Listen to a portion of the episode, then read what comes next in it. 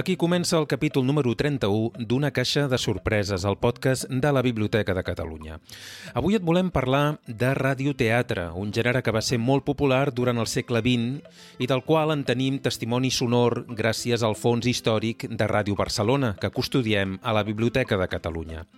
En aquest capítol descobrirem plegats, doncs, què és el radioteatre, com es feia, quins van ser els noms imprescindibles que el van fer possible i n'escoltarem també alguns fragments. Avui el podcast el fem amb l'ajuda d'en Ramon Sunyer i d'en Pol Cruells, membres de l'equip de la Unitat de Sonors i Audiovisuals de la Biblioteca.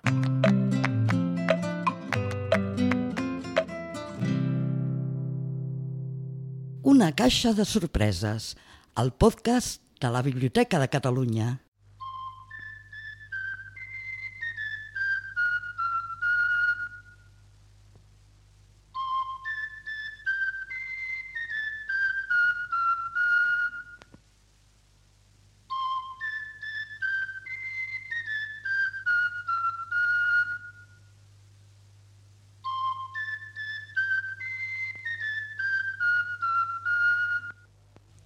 Cadena de emisoras de Cataluña y Mallorca, en transmisión conjunta. Radio Popular de Figueras, Radio Mallorca, Radio Reus. Radio Ulldecona, y Radio Barcelona de la Sociedad Española de Radiodifusión, presenta su gran radioteatro.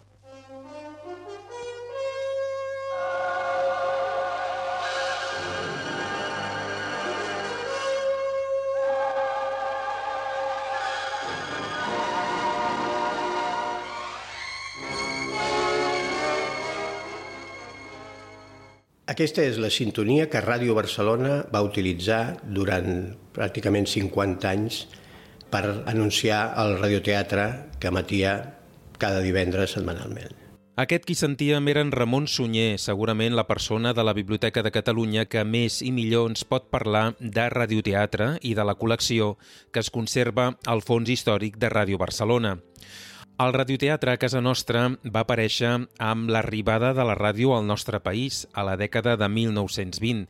Malauradament, però, en aquella etapa inicial, el radioteatre no s'enregistrava. Hem de tenir en compte que Ràdio Barcelona emet per primera vegada el novembre de l'any 24 i, evidentment, la tecnologia no permetia enregistrar tot un radioteatre per després emetre'l. Estem en una època que s'enregistra ja amb discs d'acetat, però són discs que tenen molt poca durada, fregeixen molt aquell soroll típic de, dels discos de l'època i és inviable pensar en un radioteatre. Aleshores, Ràdio Barcelona, als anys 20, el que fa és intentar emetre en directe obres de teatre. Això té una complicació tècnica enorme, però és la manera que tenen en aquells moments de fer-ho. Com que no podien enregistrar per emetre després, el que feien era retransmetre una obra de teatre. Però era molt curiós perquè el locutor que retransmetia físicament estava a l'estudi, no estava al teatre. Hi havia un cable telefònic que unia l'emissora amb l'escenari i aleshores s'emetia en directe tot el diàleg dels actors i actrius.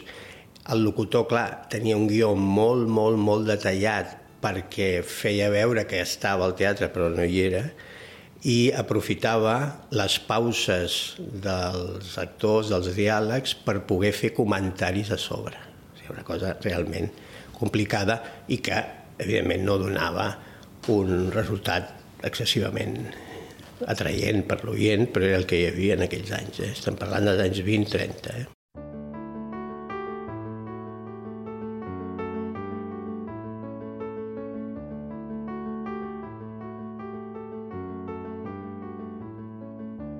Una figura important del teatre al nostre país durant aquelles dècades dels anys 20 i 30 del segle XX va ser, sens dubte, Adrià Gual, un nom imprescindible pel teatre català i també pel radioteatre.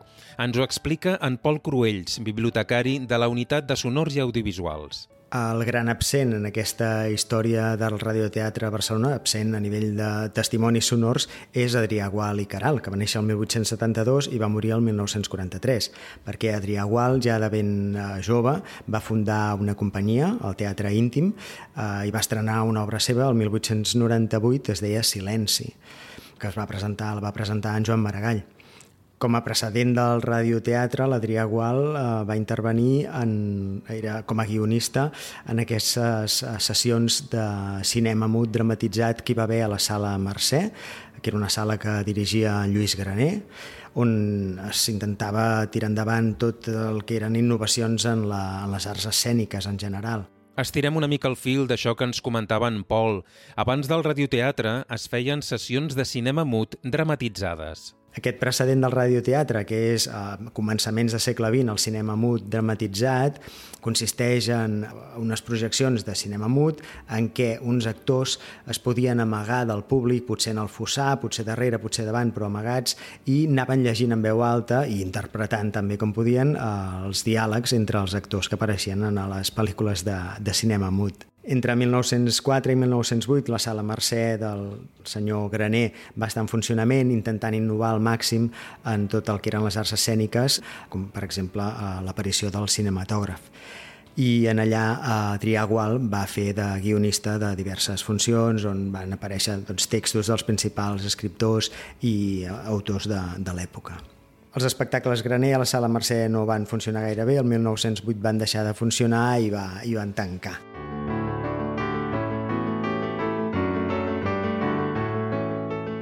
Adrià Gual va col·laborar durant molts anys amb Ràdio Barcelona, fent radioteatre i també dirigint altres projectes radiofònics. La vinculació d'Adrià Gual, més endavant, amb Ràdio Barcelona va ser força important perquè durant l'època de la República, als anys 30, va ser director del radioteatre en català que s'emetia a Ràdio Barcelona, fent de guionista i fent de director i adaptant obres que durant la dictadura de Primo de Rivera s'havien donat a conèixer en castellà, ell les va adaptar al català, les va donar a conèixer en català, que era la seva llengua original, com per exemple obres d'Àngel Guimarà, de Frederic Soler en Pitarra, de Peles Mestres, de Santiago Rossinyol, etc.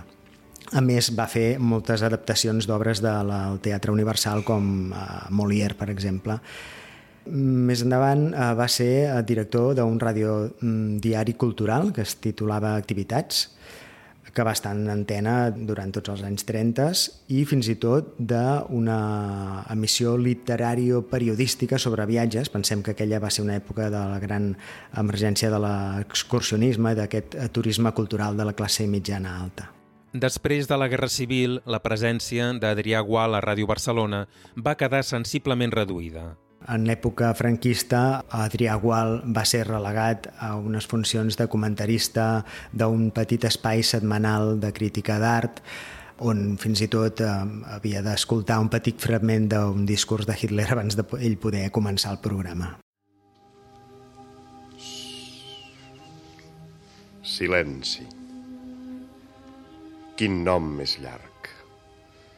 La fi d'aquest nom se'ns perd de vista el temps que ens recorda la més harmoniosa de les melodies vagues, que sentint-se de lluny deixa tan sols entendre algun compàs que ens assedega de sentir-ne el rest, que ens adorm el cansament de l'incompleta esperança. I és per això, sens dubte, que se'ns fa més formosa i més estimable. Silenci. Capsa de tapes fosques i remplerta de llum pany de clau perduda, muralla tocant el cel. Que formosos deuen ser els drames del silenci, els que han quedat tancats de mort en tants llavis closos per sempre. Veus aquí el meu drama, la contemplació del que es calla, la veneració al misteri, una pobra flor oferta a la formosura del silenci, flor del meu ram. Si és pobre, no en tinc d'altre. En aquest tall podem sentir, l'any 66, a l'emissió del radioteatre on es va retransmetre l'obra de teatre Silenci d'Adrià Gual, una recreació del pròleg que havia pronunciat eh, Joan Maragall el dia de l'estrena, precisament.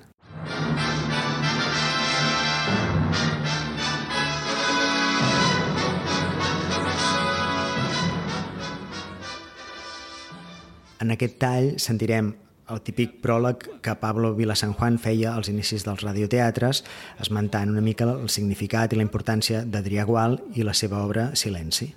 Adrián Gual Fue, por su extraordinario talento y su indomable vocación, el dignificador del teatro catalán.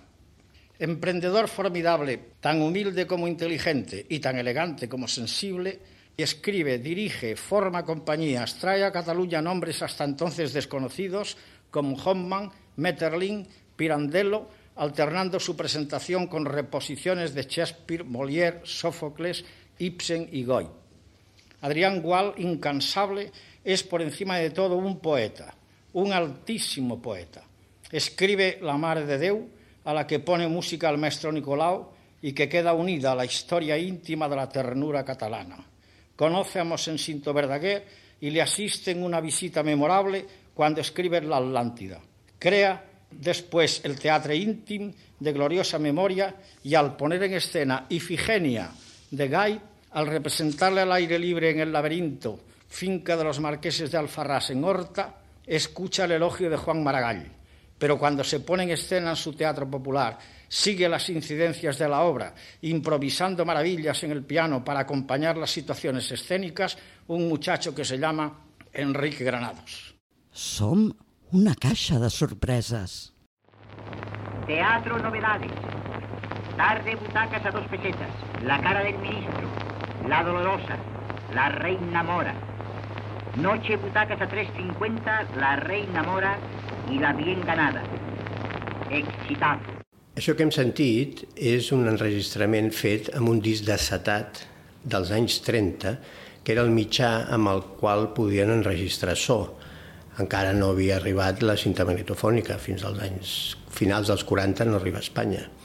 I s'utilitzava per aquest tipus d'enregistraments. Un locutor, en aquest cas Josep Miret, que va ser un locutor després molt emblemàtic a Ràdio Barcelona, llegeix la cartera teatral, com heu vist, amb preus i tot, de la butaca. Això dona idea de que els empresaris de, del teatre van veure a la ràdio una competència una mica deslleal. I aleshores, eh, per tranquil·litzar-los, eh, la ràdio doncs, feia èmfasi a promocionar les obres de teatre, perquè en aquests anys ja es va començar a eh, emetre en directe obres de teatre amb aquella retransmissió, amb un locutor que va fent comentaris en les pauses dels, dels silencis dels actors. Un dels grans invents tecnològics que arriben a Espanya a final de la dècada de 1940 és la cinta magnetofònica. Als anys 40 encara eh, es feia una cosa que deien el cine escuchado, que era una audició comentada de la projecció d'una pel·lícula. Aquesta manera de, de retransmetre cinema ja s'havia intentat fer als anys 30. Als 40, abans de l'aparició del magnetòfon, encara hi ha aquesta tendència. I un personatge eh, molt emblemàtic de l'època és Antonio Losada, que va arribar a fer més de 40 adaptacions dramàtiques que estaven inspirades en èxits del cinema. Antonio Losada veu les enormes possibilitats que té el, el magnetòfon i la cinta magnetofònica i és pioner amb la utilització d'aquest eh, aparell per l'enregistrament dels radioteatres. Per exemple, una cosa que ara ens sembla del tot natural, però que aleshores algú s'hi havia de posar, era aquests plans diferents de, de veu que es poden sentir en un radioteatre que estigui ben, ben enregistrat, fent servir panells mòbils també per l'absorció del so i que eh, puguis tenir una sensació de que es parla en un interior, en un exterior, els efectes de so, etc. Tot això és una novetat i Antonio Lozada realment va ser un pioner. Hem de tenir en compte, per situar-nos, que la cinta magnetofònica arriba a Espanya l'any 47 precisament s'estrena amb un uh, reportatge que es fa quan la Eva Perón visita Espanya. Això és l'any 47, amb uns aparells mòbils, evidentment. Eh? Però després el magnetòfon passa a ser magnetòfon d'estudi i dona totes aquestes possibilitats. Heu de pensar que la cinta magnetofònica no és la casset que veiem després dels anys 60, sinó que és el que en diuen cinta oberta. És una bobina, en principi oberta, però que perquè realment no tenia inclús la tapa de dalt, que això creava molt problemes a l'hora de rebobinar. Però després es fa que s'introdueix entre dues plaques i allà es rebobina. Són cintes que poden tenir 30 centímetres d'amplada, les més llargues inclús una mica més, i també poden ser molt petites per contenir talls de veu o, o anuncis publicitaris. O...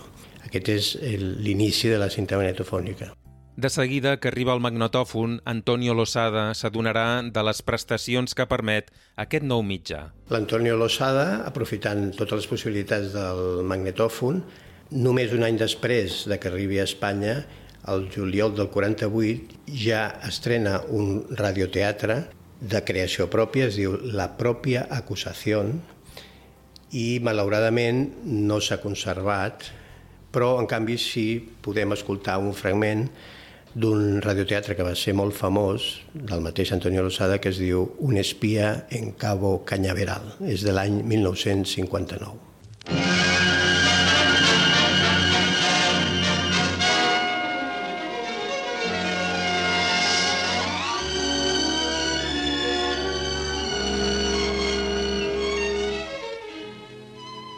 La Sociedad Española de Radiodifusión presenta Un espía en Cabo Cañaveral. de Antonio Losada. Producción realizada en los estudios de Radio Barcelona. Esta obra sin diálogos va a ser relatada a ustedes por cuatro narradores.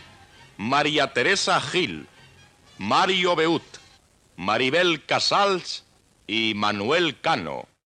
Todo empezó hace algún tiempo, no mucho. Cabo Cañaveral es un islote situado frente a la costa del sur de la Florida.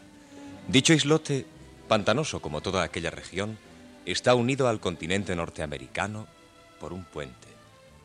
La ciudad más próxima se llama Titusville y desde Titusville a Cabo Cañaveral hay media hora en automóvil. Se atraviesa el largo y ancho puente sobre el mar, se avanza por una espléndida autopista y a los 30 minutos se divisan grandes alambradas.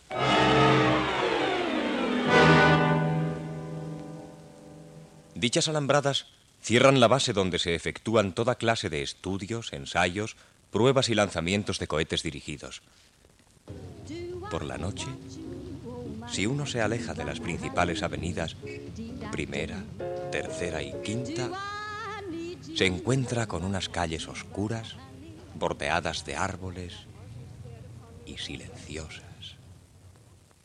No se oye más que los televisores sintonizando la película de turno. Es un ambiente indolente y mórbido que en algunas ocasiones, como esta, lo acentúa la música que se oye en el primer piso de una casa cercana.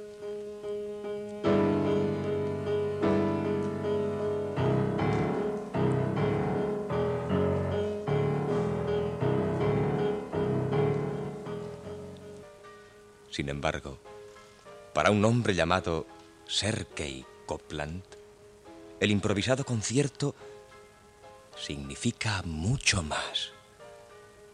Le recuerda casi todos los días que tiene que cumplir una misión por la cual recibió como anticipo 10 mil dólares.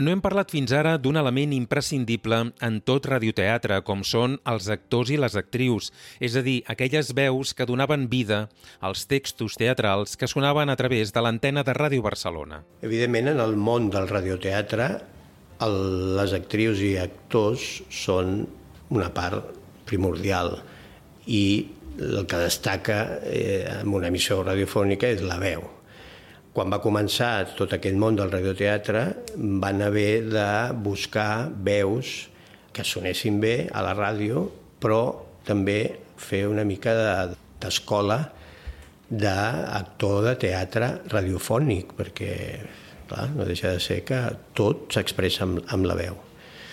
Aleshores es va acabar creant un quadre escènic de Ràdio Barcelona, a Ràdio Nacional d'Espanya tenien també el seu, ells al radioteatre li deien el teatre invisible, i hi havia una considerable competència entre els dos quadres escènics. En Ramon Sunyer ens parla d'algunes veus emblemàtiques d'aquells anys. A Ràdio Barcelona, al principi de tot, hi havia una veu molt emblemàtica perquè també va fer doblatge, en Ricardo Palmarola, però aquest home se'n va anar a l'Havana a finals dels 40 i aleshores van haver de buscar un substitut i va ser en Isidre Sola, un menorquí que va acabar sent també una veu molt, molt emblemàtica, feia tots els papers principals del radioteatre fins que es va deixar d'emetre, fins als finals dels anys 70.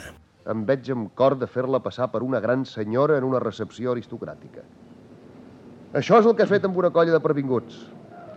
Amb el que ells em paguen em puc permetre el luxe d'esmerçar moltes hores en els meus treballs científics de fonètica i lingüística. I la veu femenina era l'Encarna Sánchez. L'Encarna Sánchez, que no és l'Encarna Sánchez de la ràdio que tothom coneix, era una locutora que va fer aquest reciclatge cap a, com a actriu de radioteatre i també va fer molts, molts, molts, molts radioteatres com a protagonista. La veu que va substituir era la Maribel Casals en època de, de Ricard Parmarola.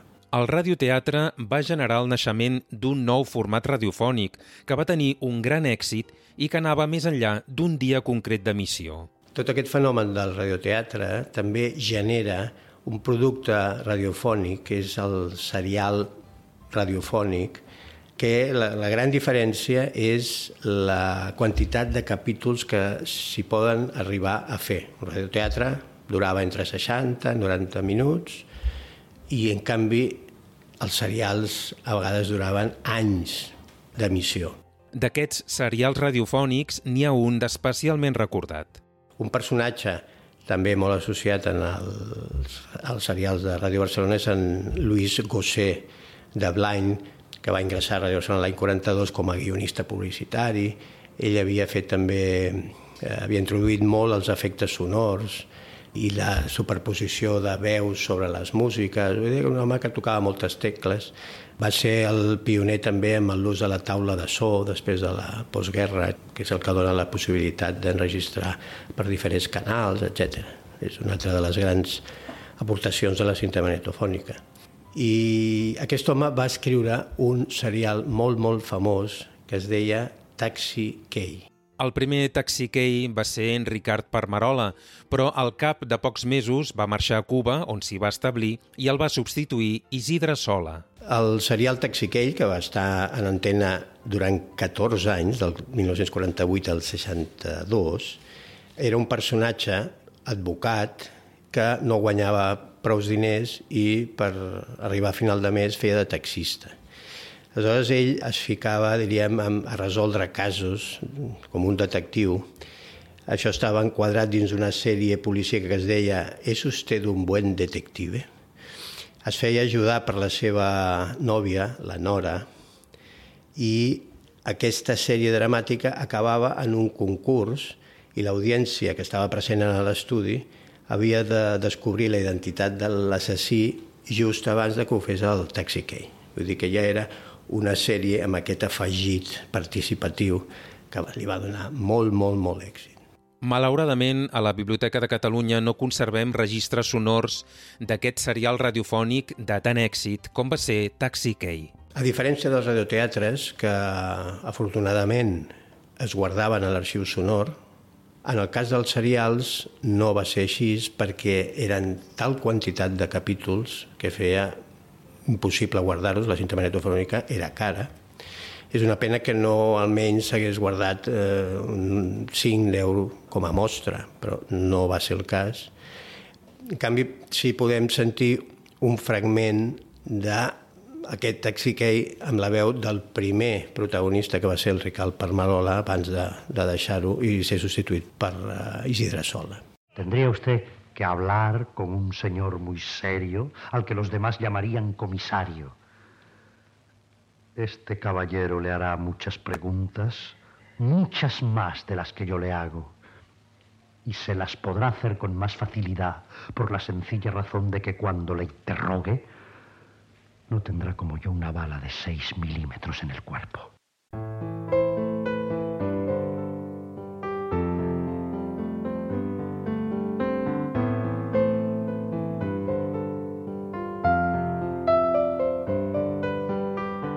Una part del radioteatre conservat al fons històric de Ràdio Barcelona és en català. Dels 350 radioteatres que conservem de Ràdio Barcelona, menys de la meitat, només uns 120, són en català. En motiu del centenari del naixement de Jacint Verdaguer, l'any 45, eh, es va proposar d'emetre a fer un radioteatre de l'obra Canigó, de Jacint Verdaguer. La veritat és que mentre que l'Església havia apostat a favor de fer-lo, la censura oficial no volia, no veia clar. Però finalment es va aconseguir que tot anés a favor i es va convertir aquesta missió en la primera en català d'un radioteatre eh, des del final de la Guerra Civil. En aquesta primera missió en català d'un radioteatre Ràdio Barcelona es pot sentir, eh, va participar-hi l'Enric Borràs, la Maria Morera i el quadre d'actors de l'emissora que estava format pel Ricard Permarola, que ja hem parlat, la Maria Juana Ribas, en Josep Maria Angelat i també una gran massa coral que en deien que en realitat es tractava de l'Orfeó català però que no es podia esmentar. Precisament l'any 45 es va produir un canvi de governador civil a l'àrea de Barcelona, va entrar en Bartolomé Barba, que sí que va tirar endavant el que ell en deia una política més abierta hacia les més respetables manifestacions del folklore local. D'aquí que puguem conservar fins a 120 eh, radioteatres en català, perquè se'n feia un al mes. D'aquests 120 radioteatres conservats en català al Fons Històric de Ràdio Barcelona, destaquen els d'un autor per damunt de la resta. Un dels autors catalans més representats en els radioteatres de Ràdio Barcelona va ser Josep Maria de Sagarra, del qual es conserven fins a 15 obres. Ara sentirem un fragment de l'inici, els crèdits de L'Alegria de Cervera, una obra de Sagarra que s'havia estrenat al teatre el 1932 i s'emet a l'any 68 a Radio Barcelona.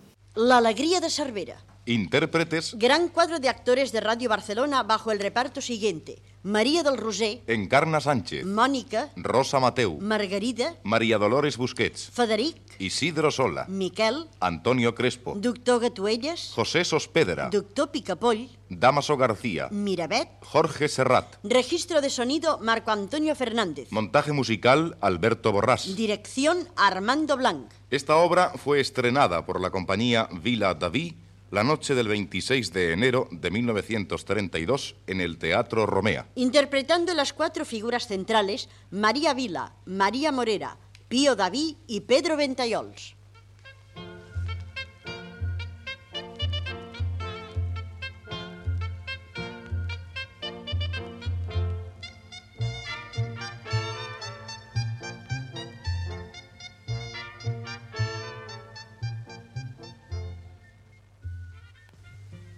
Una rància botiga del segle XVIII, lloc de negoci, de tertúlia i d'aventura d'una vila com és la de Cervera, en la qual hi ha barreja de pagesos, de marxants, de professors amb ulleres i d'estudiants tabalots.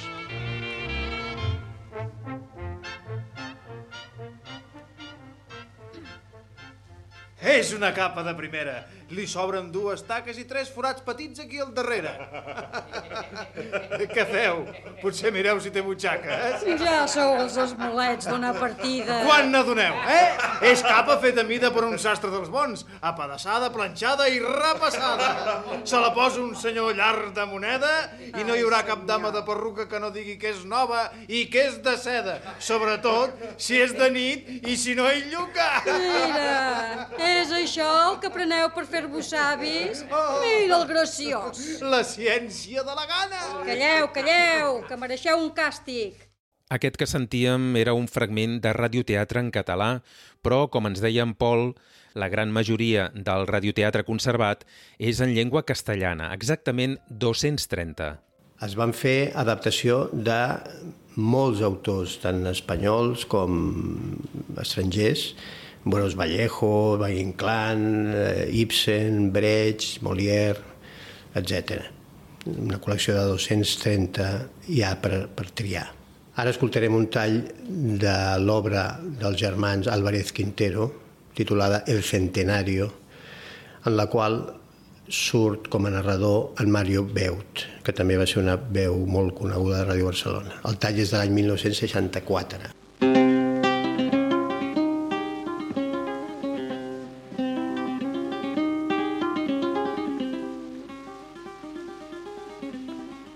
Brilla la sala en su limpieza, enmarcada por el reluciente zócalo de azulejos. Tres airosos arcos dan paso a un jardín florido. Y en el jardín, la luz de mayo y el cielo andaluz.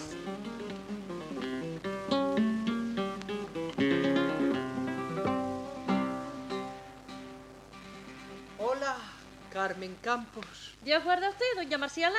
¿Usted está buena? Muy buena estoy, gracias a Dios. ¿Y, ¿Y su papá de usted? ¿Y el señorito? Todo bueno. ¿Te figuras para qué te llamo? Algo me figuro porque por Arenales algo corre. Sobre el cumpleaños de su papá de usted, digo yo que será, ¿no? Justamente. Hay que poner la casa en revolución y que echarla por la ventana para darle gusto. Cumple 100 años el 25 de este mes. Y esta fecha quiere él celebrarla como merece. 100 años. ¿Viste que 100 años? Un siglo, ¿no es eso? Un siglo. Eso es. Ay, cualquiera lo cree, viéndolo andar como andan todavía por las calles. Ay, pues si lo oyeras aquí en casa.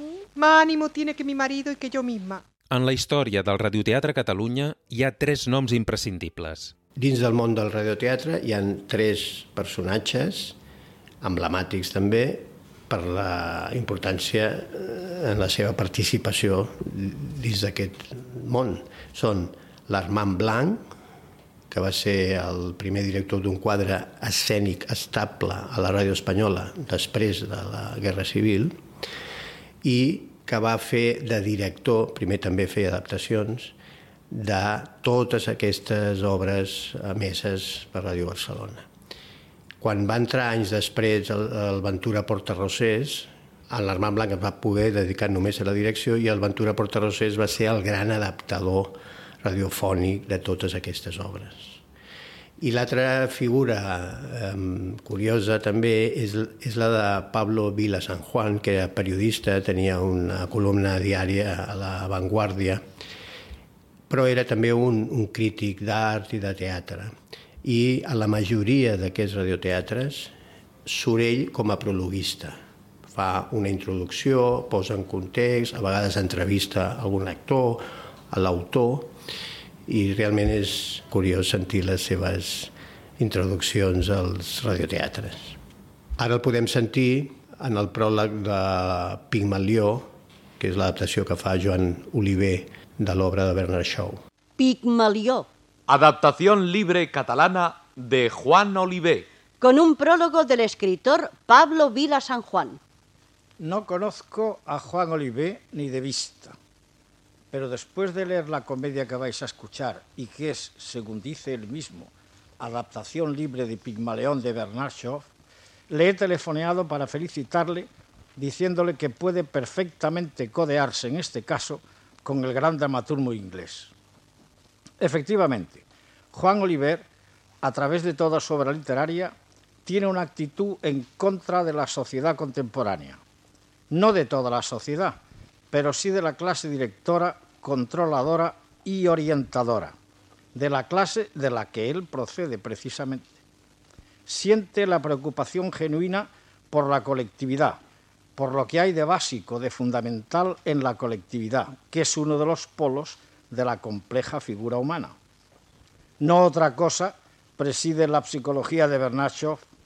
Este Pigmalió catalán que vais a escuchar puede muy bien ponerse al lado del original inglés, a raíz de cuyo estreno Shaw deslizó una de sus grandes ironías. Se le acercó un joven aristócrata indignado por sus alusiones a su clase y queriendo despreciar al famoso autor, le preguntó, ¿es verdad que su padre fue sastre? Bernard contestó, sí, efectivamente, fue sastre. ¿Y cómo explica usted que usted no sea también sastre? Muy sencillo, su padre de usted sería un caballero. ¿Cómo explica usted que usted no lo sea? En Ramon Sunyer ens explica de quina manera Armand Blanc adaptava les obres teatrals al format radiofònic. La figura de l'adaptador, aquest adaptador emblemàtic és Armand Blanc, hem de pensar que va començar a l'any 39. La manera de treballar que tenia aleshores era comprar edicions de butxaca d'obres de teatre de l'editorial Estampa o Teatro Selecto de l'editorial Cisne, per exemple, I en aquests llibres doncs, ell anava retallant tot el que podia, tant per temes de censura, que sabia que no li deixarien passar, com perquè havia de fer una obra que durés entre 60 i 90 minuts i, a més a més, s'havia de carregar molts personatges perquè no disposava de prou actors, a lo millor, per adaptar l'obra. Per tant, realment era una feinada fer aquesta adaptació. La mateixa persona, a més a més, com que dominava qüestions tècniques, feia efectes de so i posava les músiques. Vull dir que jo crec que l'Armand Blanc va fer realment una feinada.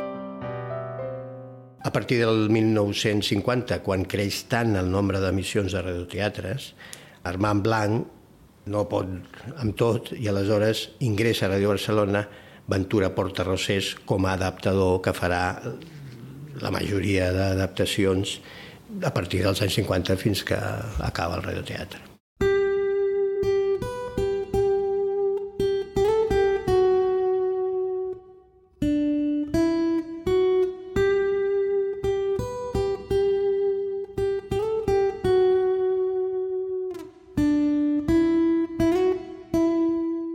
Continuem parlant de radioteatre avui al podcast de la Biblioteca de Catalunya.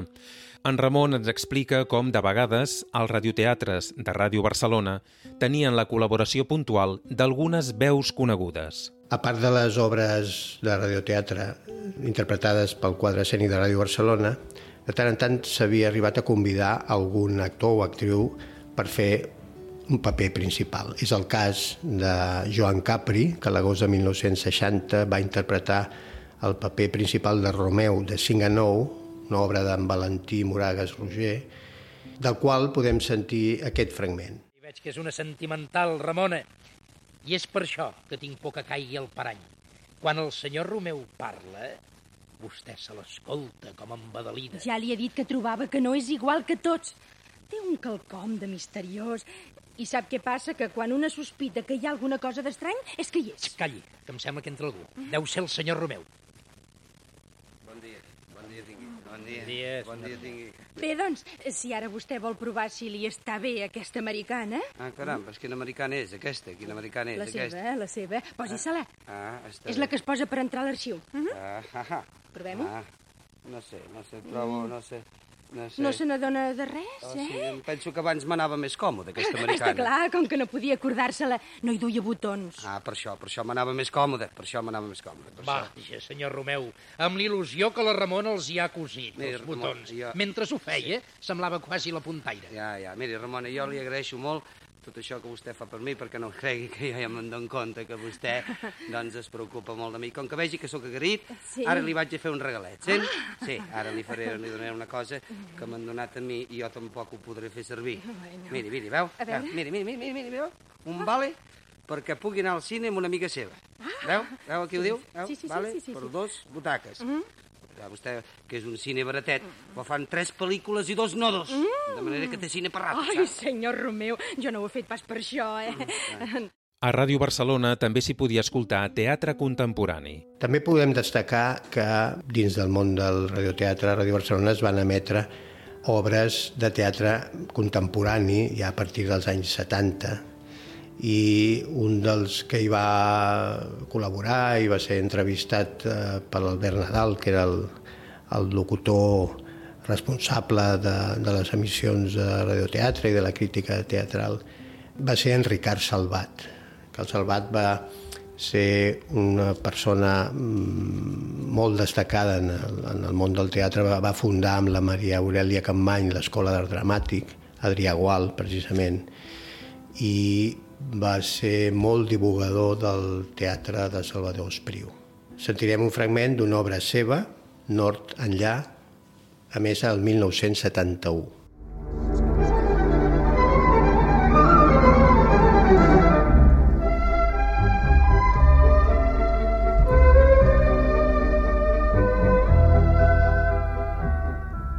Nord enllà, de Ricard Salvat.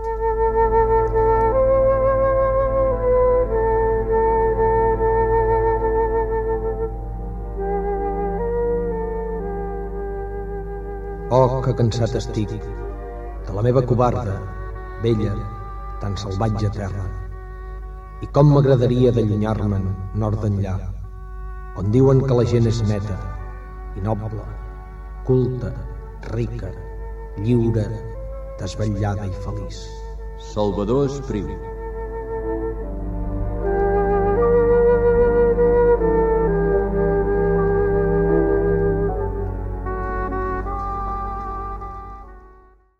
De la col·lecció de radioteatre del Fons Històric de Ràdio Barcelona hi podem trobar alguns documents sonors que no serien estrictament el que entendríem per radioteatre, és a dir, una obra de teatre emesa per la ràdio, però estaríem molt a prop.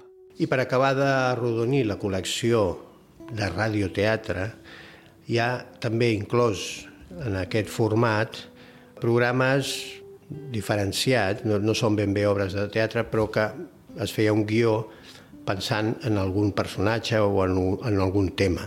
Per exemple, Aventura Portarrosés fa una, una obra que es diu La Ràdio, gran protagonista a motiu del 40è aniversari de Ràdio Barcelona, o es fa un homenatge a Rossinyol, un homenatge a Àngel Guimarà, però això es vesteix d'una manera que forma part de la col·lecció de radioteatre. També, per exemple, un dedicat a Victòria dels Àngels, Victòria dels Àngels, una veu de Ràdio Barcelona. Aquest és el títol perquè Victòria dels Àngels va debutar en un concurs quan era ben jove de cant a Ràdio Barcelona. És un programa d'entrevistes sobre la seva biografia personal i professional i del qual podem sentir un breu fragment.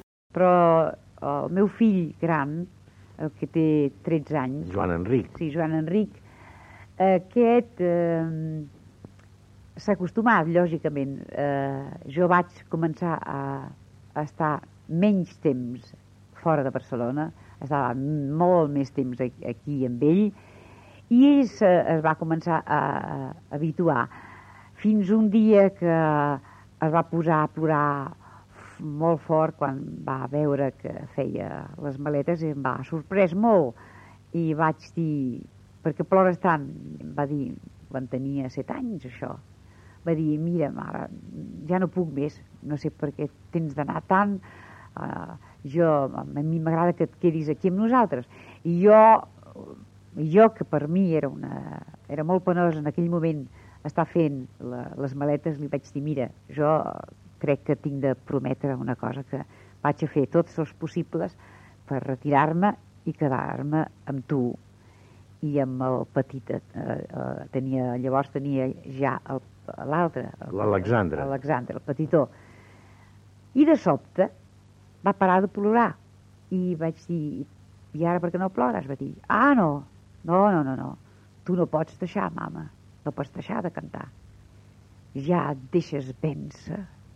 Vaig dir, què vols dir amb això? Ja deixes tot el que has estat fent, ho deixes de sobte, així com així, solament perquè m'has vist plorar. Això amb un nen de 7 anys em va fer sorpresa. I li vaig dir, no comprenc per què has canviat tant. Va dir, mira, mira, mà, a mi em fa molta pena veure que te'n vas, però em faria molta pena veure que et quedaves. I li vaig dir, per què? Em va contestar, perquè jo sé el que t'agrada tu cantar.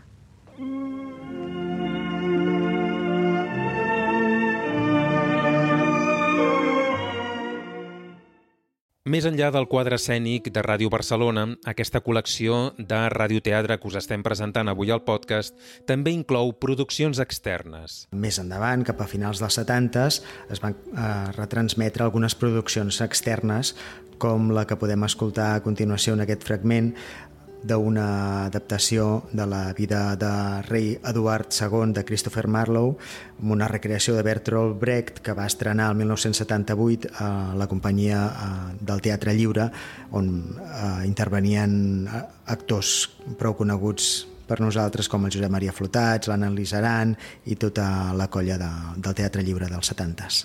El rei es troba malament, s'aixeca la sessió. Que mireu vosaltres? No em mireu. Déu faci Mortimer que els teus llavis no diguin mentida. No, no, no passeu ànsia per mi.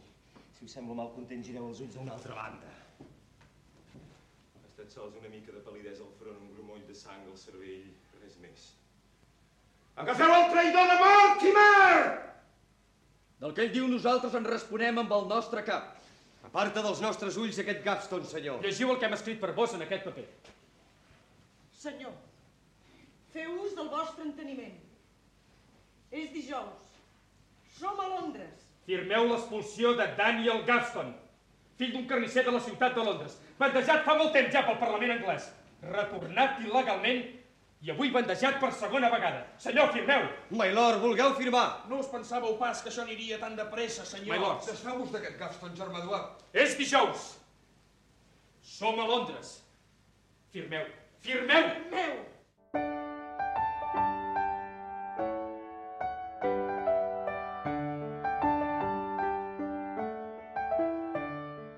Arribats a aquest punt, et preguntaràs com s'ha de fer, com podem trobar aquesta col·lecció de radioteatres que hi ha a la Biblioteca de Catalunya. No et preocupis perquè en Pol Cruells ens ho explica. El catàleg de la Biblioteca de Catalunya, aquest fons de radioteatres de Ràdio Barcelona, es pot trobar de diverses maneres. Una seria buscant per col·lecció, amb la paraula radioteatro, ja que s'indexaven tots amb aquesta paraula, era en aquesta sèrie, el de radioteatro. També es podria buscar per matèria, eh, o combinant-ho eh, per la matèria teatre radiofònic, que és del que es tracta, i trobaríem doncs, aquests 350 ítems que inclouen tant les cintes magnètiques dels enregistraments com també els guions en paper de la majoria dels programes. Entre els anys 40 i fins a mitjans del 65 hi ha uns 75 programes. Després, durant els anys 60 hi ha la resta, el gran gruix, i del 75 al 79, que seria l'últim radioteatre, hi ha 43 programes. Finalment, ens podem preguntar per què ens pot servir, per què ens pot interessar una col·lecció de radioteatre, a nosaltres o a la gent que tenim a prop. Clar, els interessos que l'usuari general o l'investigador pot tenir en els radioteatres que conservem d'aquest fons de Ràdio Barcelona en general a la biblioteca serien molt diversos, des dels que investiguen el món del teatre, perquè és una versió teatral radiofònica, fins a aquells que estudien aspectes més tècnics, per exemple, sobre la realització en un programa de ràdio, els efectes sonors que hi pot haver en el món de la ràdio o en el món del teatre però a la ràdio, i altres interessos diversos com pot ser el fet de senzillament escoltar, com qui escolta una obra de teatre o escolta un audiollibre, tenir un munt d'històries superinteressants adaptades en un format eh, molt, molt popular i molt, que ha tingut molt èxit des de sempre. Per exemple, en malalts amb hospitalitzacions de llarga durada pot ser un entreteniment genial poder escoltar tots aquests en radioteatres. El fet de tractar-se també d'uns radioteatres que van des dels anys 40 fins als anys 70 pot tenir interessos pels estudiosos de la llengua catalana o de la llengua castellana, de l'oratòria, de la dicció, fins i tot des del punt de vista filològic, hi pot haver eh, gent que ho trobi interessant per estudiar la llengua catalana i la castellana en aquest món entre els anys 40 i els anys 70. Evidentment que és una font d'oci interessant per qualsevol persona que li agradi el teatre i aquests altres formats que hem comentat, com poden ser les entrevistes a personatges relacionats amb les arts escèniques durant aquella època i eh, hauria de saber l'usuari en general que es poden demanar còpies, còpies que són per ús privat o per recerca, eh, en el laboratori de la Biblioteca de Catalunya. Hi ha uns preus eh, per reproducció, per la digitalització d'aquests materials, anirien aproximadament pels radioteatres d'una hora, serien uns 15 euros aproximadament. Si el radioteatre dura una hora i mitja, doncs 22 euros aproximadament.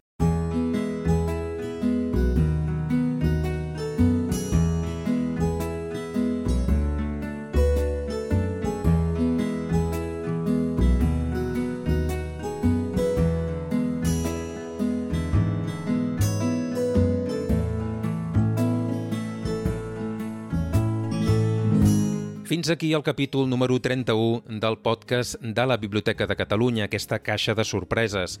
Si vols ampliar el que ens han explicat en Ramon Sunyer i en Pol Cruells, amb qui avui hem fet el podcast, pots anar a la nostra pàgina web on trobaràs diversos enllaços amb més informació i també l'accés a aquesta col·lecció de radioteatre. L'adreça és bnc.cat barra podcast. I si tens qualsevol dubte o consulta sobre aquest capítol o sobre el nostre podcast en general, ens pots escriure un correu electrònic a podcast arroba bnc.cat. Moltes gràcies per haver arribat fins aquí i fins al pròxim podcast.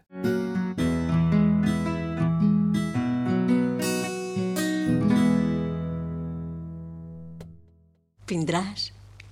Si tu m'ho manes, Jo no. Però vindràs. si no et sap greu.